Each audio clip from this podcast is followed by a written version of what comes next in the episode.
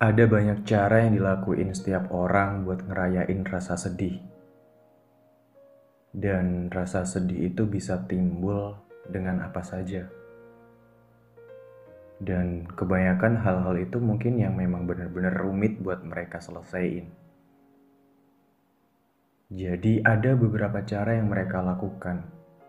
Baik itu dari cara yang masih dalam batas wajar, atau cara-cara yang mungkin cukup menakutkan untuk dilakukan. Um, pertama, ada yang ngerayain kesedihan itu dengan cara ngurung diri di kamar misalkan. Jadi kayak dia menyendiri aja di kamarnya. Keluar kamar sesekali paling cuman untuk makan atau ngelakuin sesuatu yang lain atau ada juga yang bahkan kadang saking sedihnya di dalam kamar sampai lupa buat makan gitu. Nangis sendirian, rebahan tapi kayak nggak tahu apa yang dipikirin. Intinya kayak nyesek banget dan sibuk sama pikiran yang berkelit di kepala. Terus ada lagi yang mungkin sukanya nyendiri pas tengah malam, pergi ke balkon, ya kan, sambil nikmatin suasana hening waktu malam. Kayak berasa dapat ketenangan gitu sambil dengerin alam bercengkrama. Jadi kayak seolah-olah dapat banget tuh sensasinya. Sendirian di atas balkon tengah malam. Apalagi kayak waktu mukanya keterpa sama angin gitu kan. Sejuk-sejuk sedikit uh, mencerahkan. Jadi kayak sambil mikirin hal-hal yang numpuk banget di kepala. Dan lebih pas lagi tuh kayaknya kalau hujan atau gerimis, kayaknya bakal lebih dapet gitu ngerayain kesedihannya. Hmm, terus selanjutnya ada lagi yang ngerayain kesedihan itu dengan cara bepergian biasanya. Bepergian maksudnya di sini aku bilang um, beberapa orang yang aku temuin mereka tuh sukanya berkendara. Jadi nggak tahu entah tujuannya ke mana. Baik itu siang hari atau malam hari. Intinya seinginnya mereka aja gitu. Dan cara itu sih dilakuin karena biasanya untuk menghindari keramaian yang ada di lingkaran terkecil mereka bisa di rumah mereka, bisa di kos mungkin. Jadi mereka menghindari itu. Jadi pokoknya semua kekalutan, rasa sedih, kecewa yang ada di kepala itu um, dirayain ya ketika lagi jalan. Nggak tahu padahal mau ke mana gitu loh. Ya pokoknya di jalan tuh nyetir bisa sambil sedih, bisa sambil nangis gitu. Dan mereka memang kayak merasa tenang ketika melakukan hal itu. Terus um, ada sih satu cara yang dilakukan dan menurut saya ini sangat ekstrim banget gitu. Dan jangan sampai deh kita uh, melakukan ini. Dari beberapa cerita yang aku dapetin itu, ini mungkin yang paling ngeri ya, yang aku denger dan uh, aku juga ikut berperan di sana gitu. Jadi ada beberapa orang itu yang merayakan atau mengekspresikan rasa sedih mereka, rasa kecewanya mereka itu dengan ngelukain diri sendiri. Dan kalau dalam dunia psikologi sih itu uh, ada istilahnya bisa itu self injury atau self harm jadi mereka itu kayak ketika lagi stres, depresi, sedih, kecewa, apa pun perasaan yang nyesek gitu, mereka ngelukain diri sendiri. Dan kayak bener-bener apa ya, jadi waktu itu aku sempet dikirim beberapa gambar mereka tuh lagi nyayat-nyayat tangannya mereka sendiri sampai ada darahnya gitu. Dan ketika aku tanya, sakit nggak? Enggak, Justru aku mendapatkan ketenangan ketika aku menyayat-nyayat um, anggota tubuhku. mereka bilang seperti itu dan um, sempet sih aku nangis dan rasanya benar-benar kayak aku nggak bisa memang ada di kondisi dia. Aku nggak tahu rasanya seperti apa perihnya. Cuman nggak tahu kayak rasanya astaga sampai segitunya. Karena sedih karena kecewa karena depresi.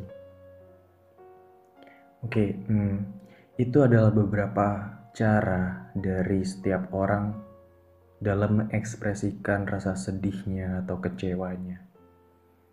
Uh, di sini uh, selain itu yang mau aku sampaikan ada lagi bahwasanya bukan aku menganjurkan atau bukan aku mengarahkan kalian untuk mengekspresikan kesedihan dengan cara-cara yang seperti tadi itu.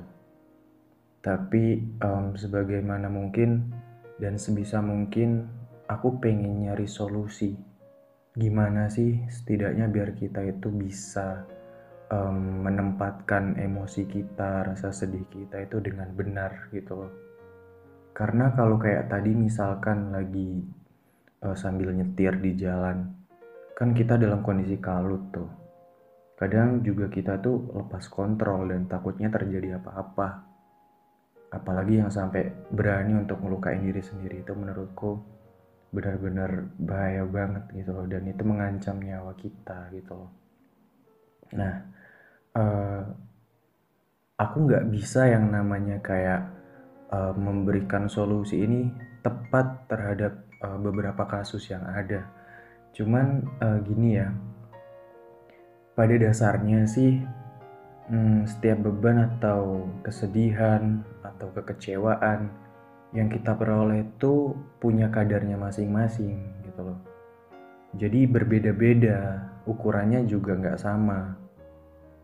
Tapi puncak dari semua itu sebenarnya menuju kepada satu titik, yang mana itu adalah perihal bagaimana kita mengikhlaskan dan mampu untuk berdamai atas apa pun yang ada di kehidupan kita. Uh, kalian sadar nggak sih, Kenapa di atas aku bilang ngerayain kesedihan? Aku nggak bilang ngelampiasin kesedihan. Karena aku berusaha menggiring pikiran-pikiran negatif kita agar bisa tergantikan dengan pikiran-pikiran yang positif. Dan aku mau kita semua ngelakuin hal itu. Artinya begini, atas kesedihan dan kekecewaan apa pun di dunia ini, entah sakit hati bagaimanapun kita, karena itu disebabkan oleh pasangan, teman, sahabat, ataupun keluarga. Itu adalah perihal bagaimana kita menerima aja rasa sakitnya. Dan sadar gak sih apa yang gak patut kita syukurin di dunia ini? Semuanya patut loh untuk disyukurin. Bahkan keburukan sekalipun bahkan rasa sakit dan kecewa sekalipun. Karena kita sudah dibekali dengan kekuatan untuk memikul apa pun yang ada di kehidupan kita. Mau ada yang bantuin ataupun enggak, kita harus melakukannya. Um, coba ya kita jernihin kepala kita dulu. Dari setiap rasa sedih, dari setiap rasa kecewa itu, Padahal itu juga bisa loh nganterin kita untuk jadi lebih tahu. Dan itu juga nganterin kita untuk mencapai fase kedewasaan kita.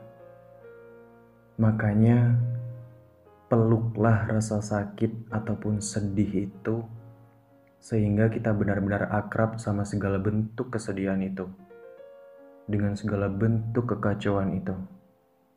Ya, sampai kita ngerasa biasa aja sama apa pun gitu loh baik itu kesedihan yang sedang berlangsung ataupun yang akan datang. Karena kita hidup tuh nggak mungkin lepas dari yang namanya rasa sakit, kecewa, sedih, pokoknya segala hal buruk apa pun gitu. Dan kita nggak mungkin bisa lari dari semua hal itu. Coba deh pikirin, kita mau lari ke mana? Sejauh apa pun kita lari, Sejauh apa pun kita mencoba untuk sembunyi dari permasalahan-permasalahan itu, ya kita tetap ada di dunianya Tuhan. Kita berpijak di buminya Tuhan. Terus sampai yang paling gila ya, um, yang aku dapetin, mereka tuh mikir untuk udahlah mati aja, bunuh diri. Ingat ya teman-teman, memilih mati karena kesedihan, karena kekecewaan, merupakan cara seorang pecundang. Dan aku yakin kita bukan termasuk orang-orang yang seperti itu. Kita kudu nyelesain karena emang itu udah porsi kita nikmatin rasa sakitnya sampai kita benar-benar akrab dan pada saatnya nanti kita akan mencapai fase di mana kita mengingat semua hal itu dengan senyum di bibir kita bahwa kita pernah melalui semua itu meski kita tertatih tapi pada akhirnya pasti semua itu bakal kelewat ingat ya teman-teman um, aku sering bilang kalau tidak ada satu orang pun memiliki hidup sempurna tanpa derita. Hanya saja mereka menyandarkannya semua pada Tuhan. Kemudian mereka bisa tersenyum. Jadilah pemenang atas kesedihan, atas beban, atas kekecewaan yang ada pada diri kalian. Sehingga ada masanya kita bercerita sama orang-orang yang kita sayang, dengan senyum yang bisa menghangatkan suasana, di mana nanti um, kita bisa tertawa bersama atas hal-hal yang pernah kita lalui dan kita bagikan ke mereka. Hidup nggak akan berhenti ketika kesedihan ataupun masalah dalam hidup kita belum menemu penyelesaian. Hanya tinggal seberapa besar keinginan kita untuk menerima semua itu dengan sabar. Sederhananya, kita beradaptasi dengan semua itu, menerima apa pun resikonya. Dan jangan lupa untuk berterima kasih sama diri sendiri yang pasti. Untuk bahu yang selalu kuat menopang, untuk mata yang selalu bisa menyembunyikan kesedihan, untuk bibir yang selalu mengucapkan agar kita kuat dalam segala hal dan untuk hati yang selalu kuat untuk bersabar, karena menikmati rasa sakit itu nikmat. Hmm, terakhir, rayakanlah kesedihan itu dengan cara apa pun yang kalian mau. Tapi jangan pernah lupa bahwa kalian gak sendirian. Kita semua sedang berjuang untuk memenangkan kehidupan.